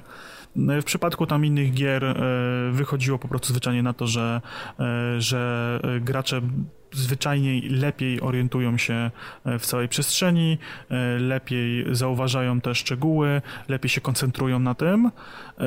Do tego dochodzi wielozadaniowość. Dużo ludzi, którzy nie, nie, którzy nie grali w gry w żadne, mieli problem, jeżeli w trakcie wykonywania jakiegoś zadania, jakiegoś ćwiczenia właśnie testowego, ktoś im nagle przerwał i kazał im zrobić szybko coś innego. Ok, przerzucali się na to inne działanie, robili to inne działanie, ale potem już nie pamiętali, co mieli zrobić wcześniej i mieli problem z tym. E, gracze bez problemu przechodzili e, z jednego zadania do drugiego, potem wracali e, do poprzedniego i kończyli je. No i tak właściwie z takich jeszcze ciekawostek, które pokazało to badanie, że natomiast, że natomiast u dzieci w wieku 9-12 lat występują problemy z koncentracją, jeżeli grają więcej niż 2 godziny dziennie i wynika to z tego, że w Poza tym czasem, jeżeli dziecko regularnie w ciągu tygodnia przez dwie godziny dziennie grało w jakąś grę, e, to po pewnym czasie przestało się koncentrować na innych rzeczach, na nauce, na, na podwórku, na jakichś bajkach, na, na jedzeniu i tak dalej, tylko cały czas jego myśli zaprzętała ta gra. Także to jest takie trochę tutaj zgubne z tej strony, a z drugiej strony gry bardzo fajnie e, poprawiają koncentrację, poprawiają wielozadaniowość. No bo z grami jest jak z, ze wszystkimi używkami. Wszystko jest dla ludzi i wszystko w odpowiedniej ilości. I myślę, że tutaj też w odpowiednim wieku bo y, tak jak dla ludzi w cudzysłowie starszych, takich jak my, to, to pobudzanie mózgu przez gry komputerowe myślę właśnie ma bardzo, bardzo pozytywny wpływ, bo tych bodźców już nie mamy tyle co kiedyś i ten multitasking, jak to ładnie nazwałeś, jest y, dużo bardziej ćwiczony, dużo, dużo bardziej rozwijany. Natomiast w przypadku takich dzieci, 9-12 lat, w gdzie w tym wieku mamy najlepszy rozwój, jeżeli chodzi o wyobraźnię, o kreatywność, o tego typu rzeczy i ograniczymy ten rozwój właśnie skoncentrując się tylko na grach komputerowych, czyli rozwiązywaniu problemów, które już istnieją, bo nie oszukujmy się, gry w większości nie Y, rozwijają u nas tej kreatywności. Oczywiście nie mówimy tu o Minecrafcie czy tam o Dreamsach, tylko mówimy o takim dumie, w którym idziemy, robimy to, co mamy do zrobienia i zapominamy.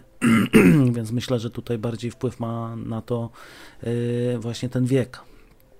Wiek i to co, to, co robimy i to, jak się rozwijamy, bo w, naszy, w, wieku, w wieku właśnie około 30 lat już nie mamy tylu, tylu yy, możliwości rozwoju, chyba że rozwiązujemy krzyżówki, ćwiczymy ten mózg w inny sposób. I myślę, że mhm. dlatego osiągnęli takie, a nie inne wyniki.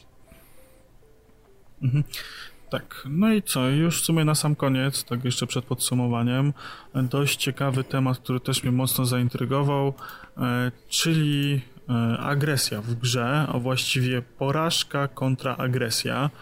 E, I tutaj było takie dość ciekawe badanie, które polegało na tym, że e, dwie grupy graczy e, miało za zadanie przejść ten sam level w jakiejś grze. Z tym, że jedna grupa miała level zmodyfikowany, że, żeby po prostu przegrać, a druga grupa miała zrobione to łatwiej, żeby za każdym razem wygrać.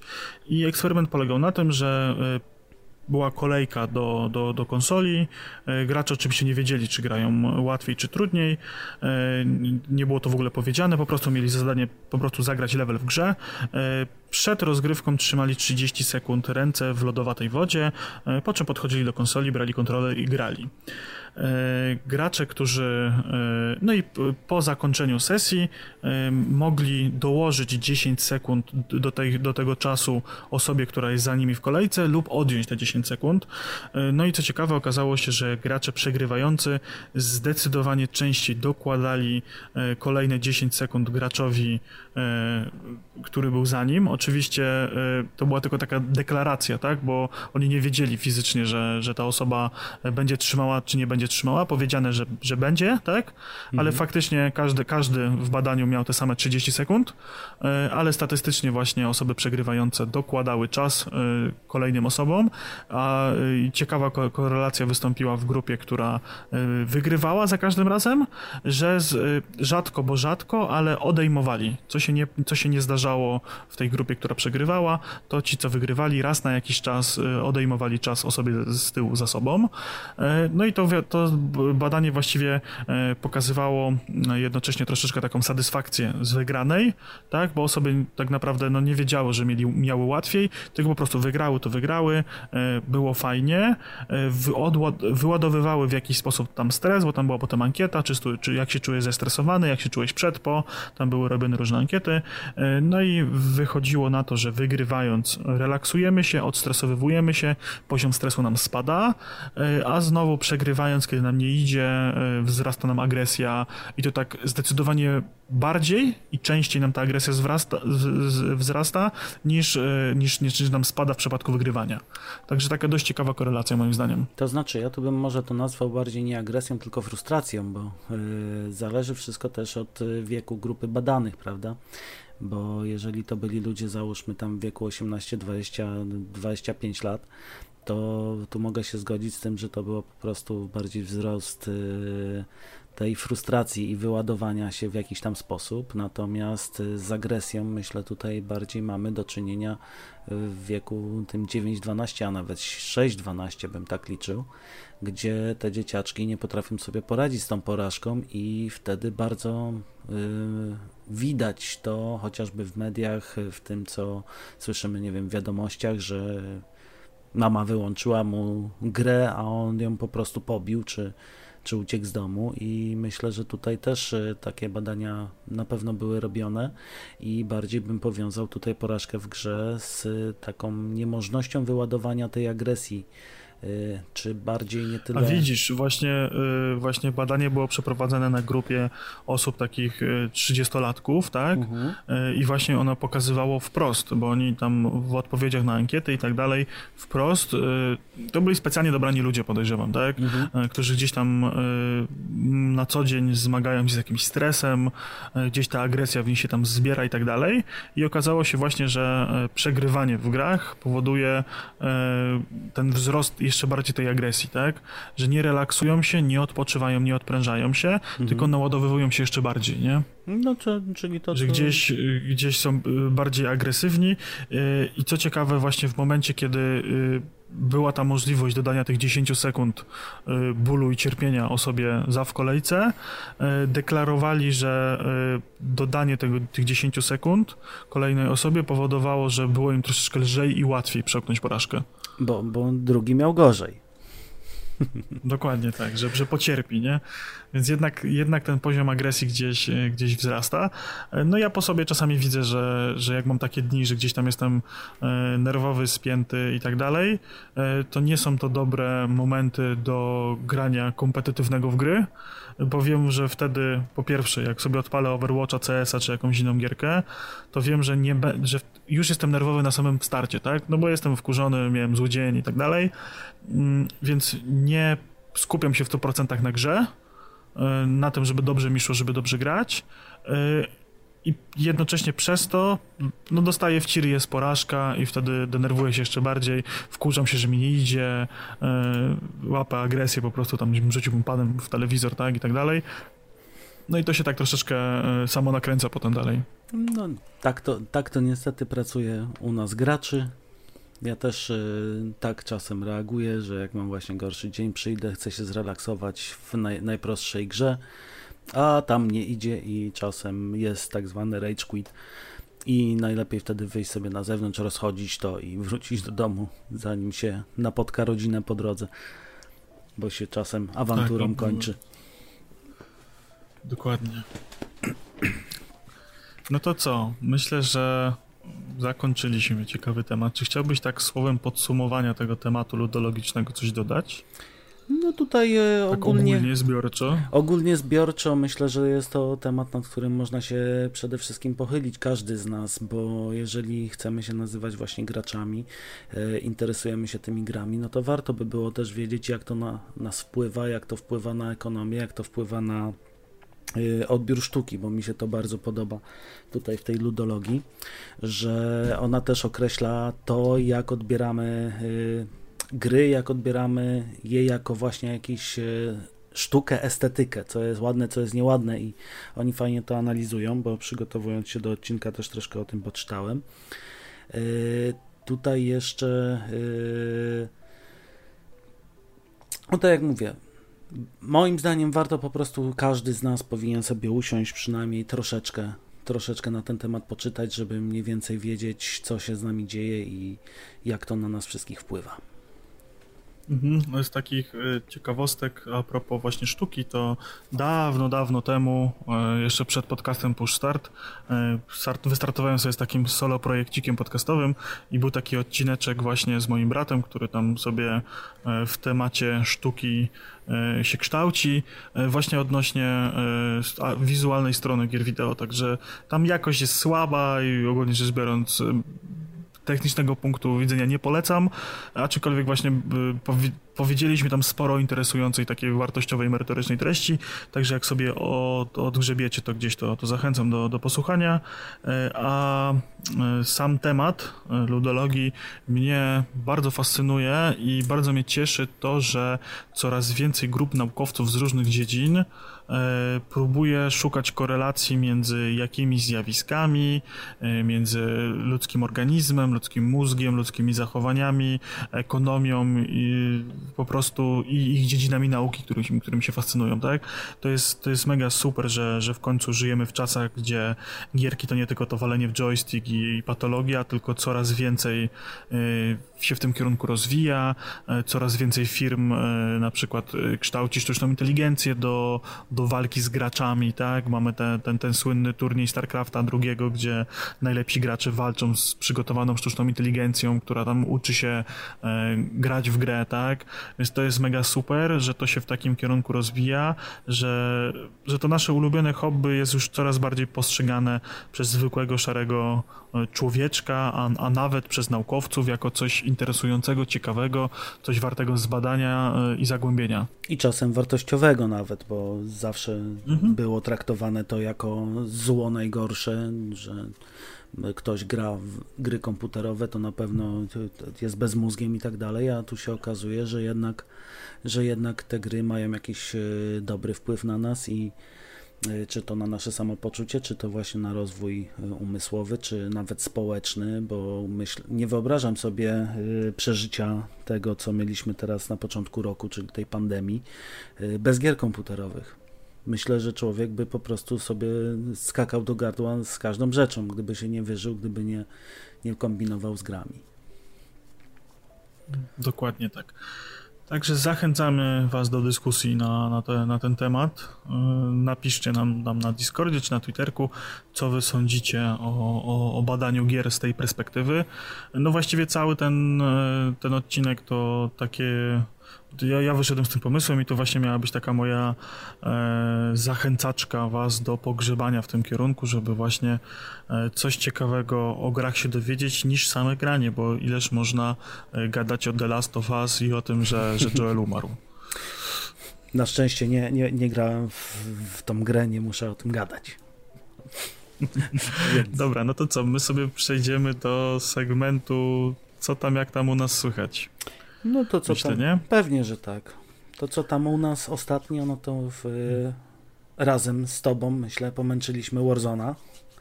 Albo ważone, jak to ładnie, no, jak to ładnie, jak to ładnie jest nazywane, ważone. Y, powiem szczerze, było to moje pierwsze podejście w ogóle do, do większych Battle Royali i nawet mi się spodobało.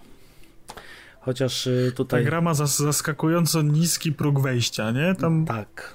Tak. Strasznie. Było... Ja też ściągnąłem gierkę, że tak powiem, pierwszy raz i pierwszy raz odpaliłem i no, bawiliśmy się nawet fajnie, nie? Tak fajnie było pogadać. Bardzo. Co prawda, ja tam wtedy miałem stra straszne problemy z internetem i, i, pogadać nie szło wcale praktycznie. To znaczy, mi bardziej problemy już później sprawiło to, że dołączyli do nas chłopaki na Discordzie i zaczęło się po prostu o o innej tematyce niż to, co, co robiliśmy w grze i tam się po prostu zaczęło urywać. Poza tym też była, no, też późna godzina była i... No ale myślę, ja że... zrobiłem szybki restart routera z myślą, że jeszcze pogramy, ale już popłynąłeś gdzieś daleko. A bo ale nie, zasadniczo nie zauważyłem do, do tematu gierki. Przepraszam, ale też była późna godzina i już po prostu się zebrałem. No tak, to, to, to, to był właśnie jeden z tych wieczorów, kiedy siedliśmy wieczorem, a to ściągamy 100 giga gierki, żeby sobie chwilę pograć. No i skończyliśmy dość późno, ale było bardzo przyjemnie. E, to właśnie to jest taka spoko gierka, tak jak e, gdzieś tam z Apexem, z Fortnite'em, z PUBG. E, miałem takie problemy, że ja nie do końca tych Battle Royali, bo tam się za szybko, tak? Lądujesz, albo jest lot, albo nie i giniesz. To tutaj jednak od samego początku tam jakiś weapon jest, bo pistolet chyba się ma od samego początku, tak? Z tego co zauważyłem. Tak, tak, tak. tak. Więc jest spoko.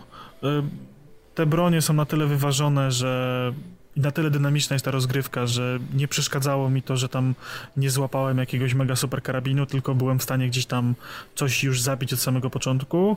Plus jest ten element tych gułagów, że po zabiciu możemy się wskrzesić sami, a jeżeli nam się to nie uda, no to y, może, mo, kolega nas może wykupić, jeżeli mu się uda, nie? Jeżeli tam uzbiera hajs, to może nas wykupić i to spowodowało, y, że zagraliśmy tam chyba 3 czy 4 gierki dość długie, nawet nam żeśmy chyba wysoko zaszli jak na pierwsze razy, bo tam powyżej no, 25 miejsca chyba było. No byliśmy powyżej 25 miejsca, ale co mnie zaskoczyło, bo, bo tak naprawdę ile tam 2-2,5 godzinki gry, z pierwszego poziomu wylądowaliśmy na prawie 20, więc tutaj też jest. Y, tak, tak. Mhm. Kile były.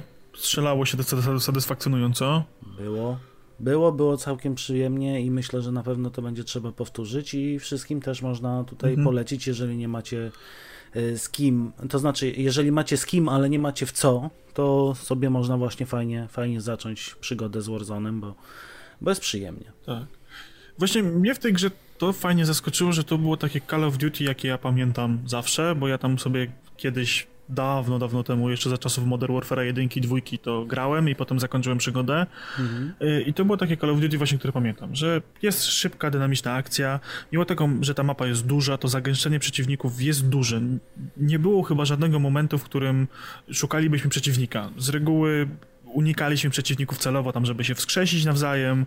E, żeby, żeby uciec bardziej niż właśnie ich szukać. Tak. Mhm, dokładnie tak, bo, bo, przeciwnika jest znaleźć bardzo łatwo. E, fajny jest patent z tymi misjami, z tymi celami, że tam się poluje na jakiegoś gracza i to jest, to jest mega mhm udynamicznia rozgrywkę, moim zdaniem. Super, bo ty wiesz, że tam w jakimś regionie jest przeciwnik, więc ty sobie tam biegniesz, jest mega spoko i nie ma takiego nacisku jak we wszystkich innych Battle Royalach na przerzucanie się lutem. Mnie strasznie bardzo właśnie w tych innych gierkach denerwuje to, że szukasz tych skrzynek i szukasz tam coraz tych lepszych kolorków, nie? Bo, bo jak nie, to nie ugrasz. Nie da rady. Tam lepszy celownik, kolimator, nie? Y, lepsza lufa, większy magazynek i, skupiasz się nawet, na przeszukiwaniu ale nawet, skrzynek. Nawet większe, nawet większe obrażenia. A tutaj e, nie było to tak odczuwalne, bo braliśmy tak, to, co, tak, to, no co właśnie. wypadło, mhm. to, co padło, to było. Człowiek się nawet nie skupiał, że musi wziąć tam czerwoną czy niebieską skrzynkę. Po prostu łapał, co było. Dokładnie. I... Pro preferujesz strzelbę, to bierzesz strzelbę, preferujesz jakiegoś SMG-ka, bierzesz SMG-ka i dalej masz szansę ugrać. No podejrzewam, że może tam na jakimś wysokim poziomie e, to już to wchodzi, tak? Mhm. Że jest to istotne, jaki, jakie masz te pistoleciki. E, no ale nawet jeżeli ci nie pójdzie, no to zawsze możesz sobie kupić tam jakiś pakiet startowy tych weaponów, tak? Mhm. E, za walutę, którą tam uzbierasz w trakcie rozgrywki. Jak nic nie znajdziesz, to możesz sobie polecieć do sklepiku i kupić karabinek i też jest spoko. Ale właśnie te walki są na tyle dynamiczne i na tyle takie właśnie Call of Duty, tak, w stylu, mhm. że te cyferki nie, tak naprawdę się nie liczą, nie? Bo, ja mam wrażenie, że Apex to jest bardziej na zasadzie e, zrobiony takiego looter shootera, tak, że, czy, czy Fortnite, że ty musisz zbić przeciwnikowi pasek i istotne jest ile twoja broń zadaje obrażeń, jak jest celna, jaki masz celownik, jakie masz dodatki, nie? I to jest no, kluczem rozgrywki. Generalnie to jest właśnie rzecz, która odbija mnie od Fortnite'a strasznie, mm -hmm. bo nie jestem jeszcze na tyle no dobrym graczem, żeby po prostu gdzieś to tam śledzić i na tyle niekazualowym, natomiast no jak y, tak jak mieliśmy właśnie czas w międzyczasie, w cudzysłowie, mogliśmy sobie pograć 2-3 godzinki, to taki Warzone fajnie wchodzi, nie trzeba się na tym tak bardzo skupiać i co mi się tutaj podobało też y, matchmaking Y, bo nie natrafialiśmy jednak na takich bossów, nie wiem, 155 poziom, który wpadał, robił sieczkę i wypadał i nawet nie zauważyliśmy kiedy. Więc myślę, że tutaj to też Tak, ma duże tak. znaczenie. Tym bardziej, że potem sobie sprawdziłem, że w tej grze jest taki właśnie system jak w Battlefield czy w Call of Duty, że z poziomem odblokowujemy kolejne bronie, które tam możemy napotkać, jakieś tam ulepszenia do nich i tak dalej. To potem oczywiście tam jest losowo w tych skrzynkach, tak? Czy możemy sobie kupić po prostu, ale musimy najpierw tą broń fizycznie, fizycznie gdzieś tam e, odblokować za, za, za, za samogranie, nie? Mhm. za wbijanie punktów expa. To, to mi się zawsze podobało właśnie w Battlefieldzie, jak potem grałem, bo ja się po kodzie przyszedłem na Battlefielda i długo, długo grałem w Battlefielda i to właśnie mi się też podobało, że mieć tam jakąś super snajperkę, to trzeba było ileś tam meczy, ileś tam killi zrobić z poprzednią wersją tego karabinu, nie, żeby tam go odblokować dopiero.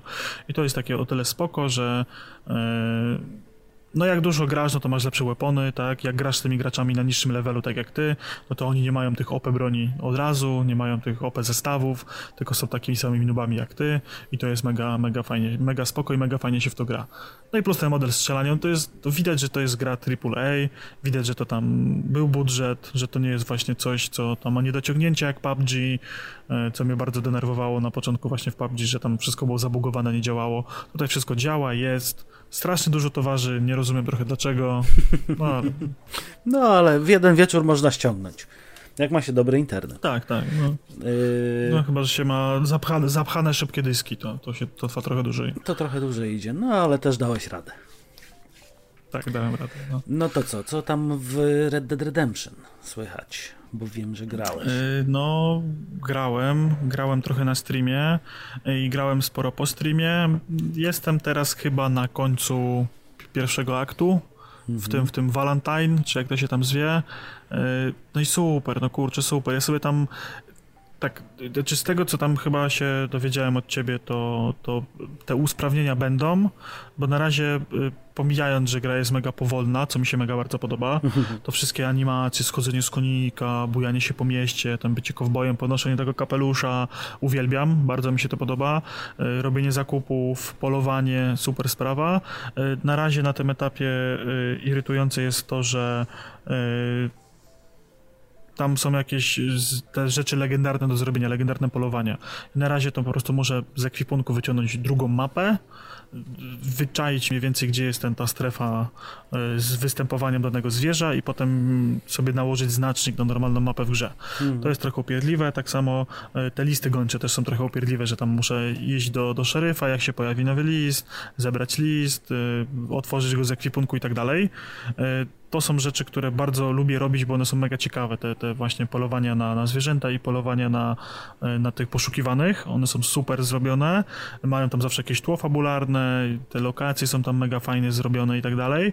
Tylko upierd- upierdliwe jest to, że tam za każdym razem z ekwipunku muszę wyciągnąć ten list gończy fizycznie. E, Mówiłeś mi, że potem, że potem się po prostu pojawiają na mapie znaczniki? To znaczy, ale to będzie tylko to- przy zwierzynie, natomiast listy gończe pozostaną No tak, tak, te, jak no. były. Więc... Ale Chociaż, chociaż to, to jakiś tam urok swój ma. Ma to swój y- urok i na pewno też yy, fajne jest to, że rzadko kiedy powtarzają nam się te same akcje przy łapaniu po prostu tych Mhm. zbiegów. Tak, tak. Nie jest to tak, że to Jest są trzy dużo. modele i powtarzają się non-stop, natomiast jest tam fajnie jest to rozwiązane, można polecić. Tak, spędziłem chyba ze dwie godziny grając w pokera, ale to w Red Deadzie 1 też miałem ten problem, że no, tak minigierka jest tak dobrze, no to jest po prostu poker, tak, ale jest dobrze zrobione mechanicznie, tak, to RNG jest takie jak faktycznie w pokerze, tak, to jest to, tak jakby się grało w karty, Y, ja strasznie lubię pokera, y, ostatnimi czasy nie mam z kim grać tak fizycznie, więc y, spędziłem prawie dwie godziny w Red Deadzie grając w pokera, spędziłem bardzo dużo jeżdżąc konikiem tak po prostu, na początku gdzieś mnie ominęła. Znaczy wiedziałem, że ta mechanika jest, ale nie byłem do końca świadomy, jak ona działa, czyli tryb filmowy. Jak odkryłem, że mogę sobie na mapie dać znacznik i włączyć tryb ten filmowy i on, ten konik sobie sam będzie jechał. Ja sobie będę oglądał widoczki. Autopilota. Autopilot, to to też siedziałem z godzinę i jeździłem z jednego końca mapy na drugi tak po prostu Mhm. żeby sobie pooglądać widoczki. Nie, no ja y, żałuję, że czekałem tak długo z tą grą, a jednocześnie cieszę się, że, że po prostu, bo miałem teraz chwilę, żeby się dłużej w tą grę zanurzyć y, i właśnie cieszę się, że tak mogłem się pochłonąć właśnie i tak jak tam wspominałem wcześniej, brakuje mi kapelusza i siodła i, i będę, będę usatysfakcjonowany tą grą. Niedługo, niedługo zobaczymy po prostu strumyk, jak y, Waderio jedzie na koniu w mieszkaniu, więc czekamy. Dokładnie tak będzie. A ja sobie dalej męczyłem w międzyczasie No Man's Sky. Yy, odkryłem teraz nawet, że weszła kolejna aktualizacja, która nam troszeczkę znowu namieszała yy, i dodała troszeczkę zadań, dodała troszkę nowych yy, czy to środków, czy to chociażby mamy rozbite frachtowce w kosmosie. Mamy nowego sprzedawcę, y, możemy się do nich, do tych frachtowców dostać tylko kupując sobie specjalne znaczniki albo otrzymując je od kogoś. Y, I tam mamy tak naprawdę y, grę na zasadzie duma, czyli mamy jakichś przeciwników wewnątrz, musimy coś znaleźć, musimy coś wykopać, coś wynieść i później odwieźć to z powrotem do tego kupca. I wtedy dostajemy dopiero nagrodę. Więc też się zaczyna robić fajnie, fajnie ciekawie. Również e, odkryłem e, coś takiego jak żywy statek. Nie wiem, czy słyszałeś o tym. To był też jakiś dodatek czas temu. E, znaczy, ja przestałem już dawno śledzić No Man's Sky'a, tak bardziej szczegółowo, bo wiem, że nie mam tyle przestrzeni czasowej, mm -hmm. żeby się tą grą bardziej zachwycić. I ona mi się bardzo podoba i ja sobie tam lubię w nią pograć tak po prostu, żeby pozbierać surowce, słuchając czegoś w tle albo robić coś innego e, drugim okiem, ale nie zagłębiałem się jeszcze w tą grę tak. Chodzi mi to po głowie, bardzo bym chciał się tak właśnie wgryźć w tą fabułę e, i to też wszystkie rzeczy porobić, ale to wiem, że muszę mieć troszeczkę więcej czasu też na to. No a teraz Red Dead mi ten czas zabiera w każdej wolnej chwili. No ja właśnie przez No Man's Sky się troszkę nie wysypiam do pracy, natomiast no, y, odkryłem ten żywy statek i co jest ciekawe, jest to jedyny element, który y, zajmuje ponad 4 dni, żeby go wykonać, bo mamy pewne przedziały czasowe, wow. w których musimy oczekiwać po prostu na rozwinięcie się pewnych elementów. No to grubo. No więc tu jest, tu jest fajnie, z, tak jak mówię, no nie wysypam się trochę do pracy przez tą grę, ale, ale każdemu polecam, jeżeli ktoś lubi takie piaskownice właśnie do wychillowania, do poleżenia przed, na kanapie przed telewizorem, nie ma nic lepszego do roboty, to No Man's Sky bardzo fajnie zalepia tą, zalepia tą dziurę, tak jak ja teraz czekam sobie na yy, Grounded, to właśnie zabijam sobie ten czas jeszcze No Man's Skyem. No ja liczę, że nadejdzie w końcu dzień No Man's Sky'a u mnie i, i pogram sobie w niego więcej i, i, skończę, bo no ja mam właśnie tak kurczę z tymi gierkami, że one gdzieś tam czasami u mnie muszą bardzo długo wyleżakować, żebym ja je skończył. To nie jest tak jak w przypadku Toja, że ja porzucam gierki i nie kończę. Ja często po prostu uważam, że dana gierka zasługuje ode mnie więcej uwagi niż w danym momencie mogę jej poświęcić. Albo jest coś innego, co mnie bardziej pochłania, tak jak właśnie ten Red Dead teraz i, i, I, to jest choroba, na którą no, myślę, że na długo zachoruję, a potem boję się tego multika. Boję się tego multika to jeszcze jest, bardziej. To jest po prostu klęska urodzaju. No właśnie. Dobra, ale żeby już nie o Red Deadzie i ten, to przejdźmy może dalej. Ja zmienię teraz poletko. E, w końcu e, obejrzałem Dark, serial no i jak? z żoną. Obejrzeliśmy. E, ja go obejrzałem teraz naraz. Mnie wcześniej pierwszy, drugi sezon były mi obce. E, słyszałem, że, że dobre, ale gdzieś nie mieliśmy na to czasu. Gdzieś mnie trochę odstraszało to, że to jest kino niemieckie. Jakoś tak mm, nie przepadam za, za, za, za kinem niemieckim. Gdzieś mnie tak nie do końca to, to ciągnie, ale postanowiliśmy, że obejrzymy. No i w dwa tygodnie obejrzeliśmy trzy sezony. E, no i super. E, bardzo fajny serial, bardzo fajnie trzymał w napięciu. Trochę się rozczarowałem zakończeniem, chociaż uważam, że było odpowiednie dla tego serialu. Ja, że było ja, dobrym ja czymś. Podobnie do ciebie uważam, że zakończenie jest ok do tego, co pokazali. Natomiast mnie trochę rozczarowało, yy, żeby nie spoilerować, po prostu wprowadzenie pewnych elementów w trzecim sezonie. Moim zdaniem niepotrzebnych bo tylko bardziej zamieszały znaczy, niż coś wprowadziły.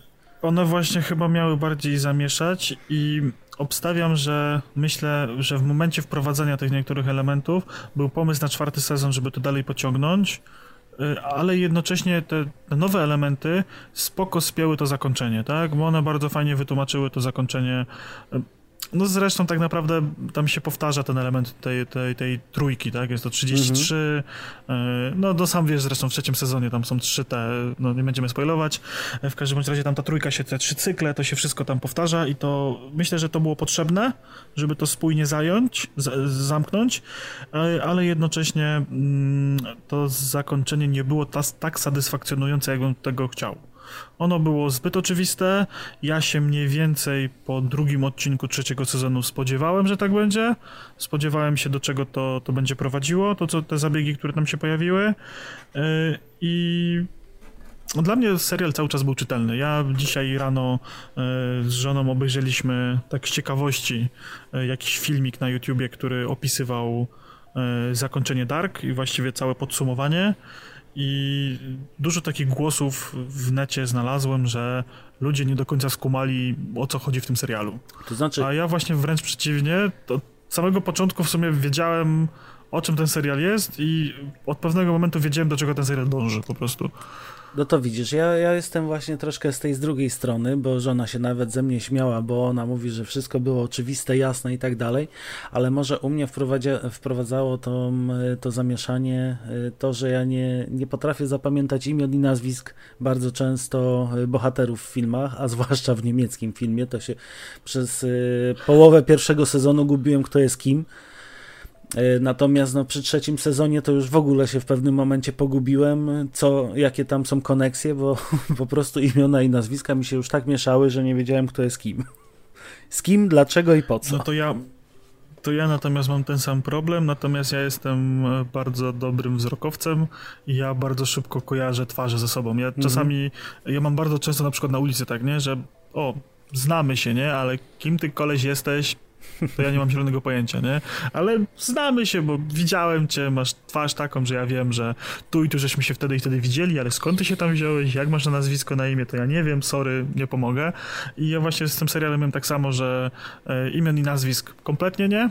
Gdzieś mhm. tam tych podstawowych bohaterów to ogarniałem, e, bardziej się tymi przydomkami potem e, posługiwałem w, w, w kto jest kim, nie? E, mhm. Ale wzrokowo i twarzowo to, to wiedziałem, szczególnie jak tam były te plansze takie pokazujące te nitki, nie? To tam jak pokazywali te plansze, to ja od razu, aha, bo ty, ty jesteś taki i taki w tych czasach, nie? Mhm. Tak wyglądasz, no to jesteś ten i ten i od razu wszystko było wiadomo, nie? Ale serial ogólnie możemy polecić każdemu. Myślę, że mhm. nie, nie To jest bardzo... Tak, on jest bardzo on jest taki właśnie, kurczę, on jest bardzo mało popkulturowy. On jest bardzo fajnie klimatyczny. E, ale tak jak na przykład Stranger Things e, wydaje mi się troszeczkę przeładowane popkulturą, tam właściwie bardziej istotne jest to, w jakich czasach się dzieje ta historia, nie? Mhm. Żeby tam właśnie pokazać, że tam grają w RPG, tam automaty, Coca-Cola, nie? Wiesz, jakieś konkretne marki, tak jakby, nie wiem, reklama, reklamę robić, napędzać to, to tutaj to jest w ogóle wszystko ucięte. Nawet y, chyba ktoś na Discordzie pisał, że w, w żadnym odcinku nie jest pokazane, jak bohaterowie robią zakupy, nie? Gdzie to raczej w większości seriali aktualnie jest pokazana jakaś scena w sklepie, nie? Ale to tutaj, tutaj tego kompletnie nawet nie jest ma. bardzo fajne to, że y, nie jest przedstawione w ogóle żadne życie poza tą wiochą. Tam wiemy, że to jest na terenie jest Niemiec, że... ale nie wiemy, że te Niemcy istnieją. Właściwie to tam nie jest pokazane żadne życie y, poza tymi wydarzeniami, które są pokazane, nie? W sensie, że tymi, które są istotne. Mhm. Tam nie ma takich scen zapychaczy, żeby jakichś dialogów niepotrzebnych.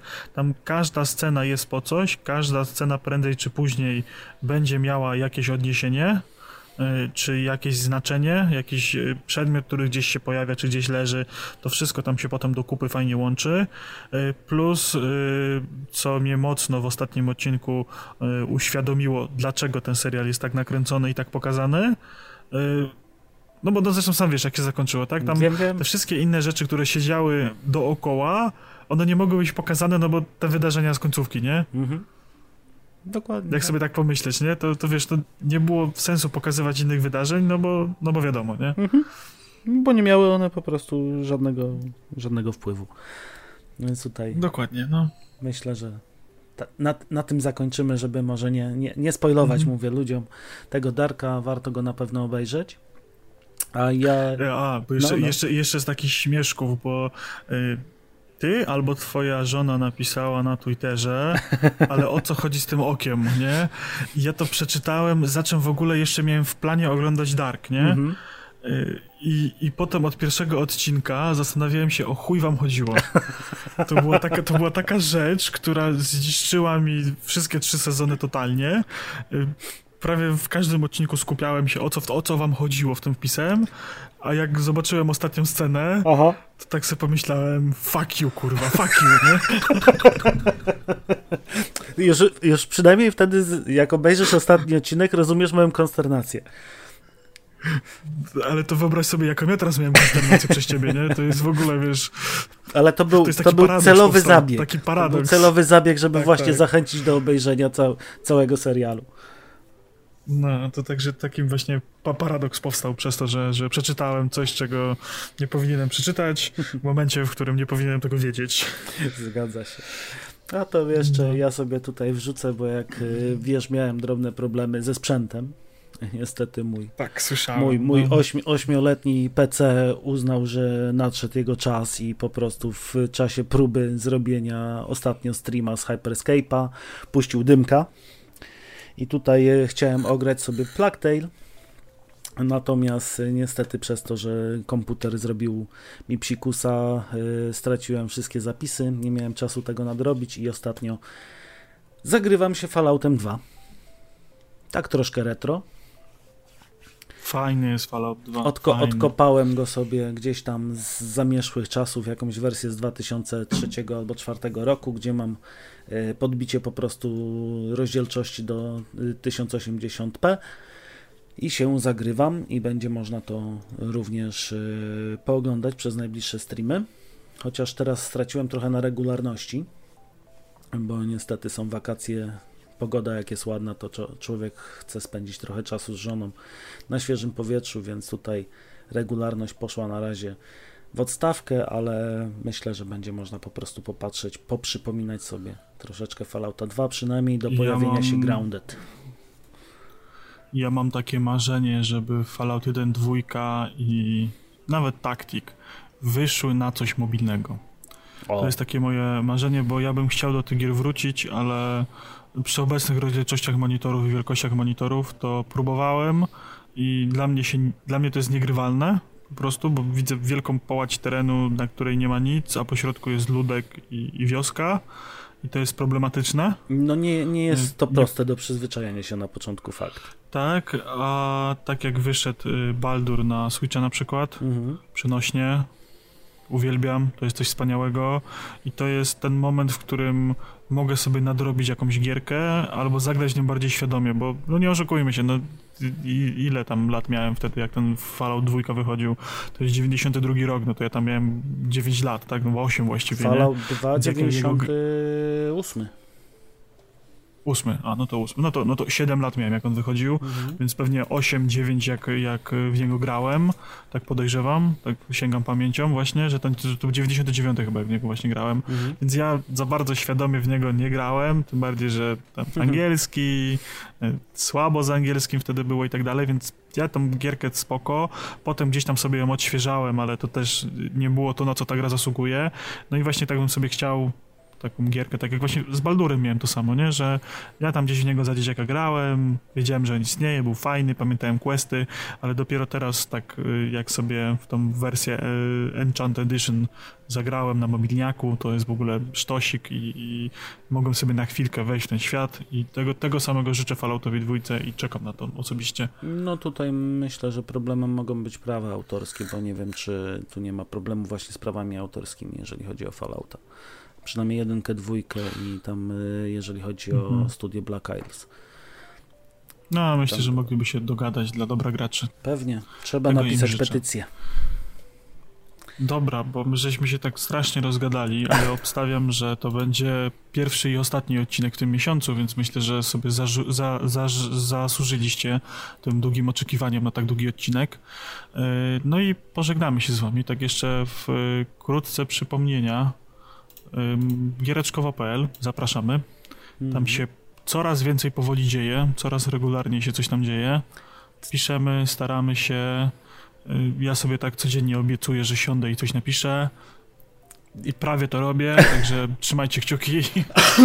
No ja, ja cały czas zbieram materiały ze streamów, żeby też wrzucić jako jeden wielki artykuł, a nie, nie, nie dzielić tego na każdy strumyk. Natomiast no niestety moje zdolności pisarskie nie są aż tak dobre jak Waderio, więc na razie on będzie pisał, ja będę czytał.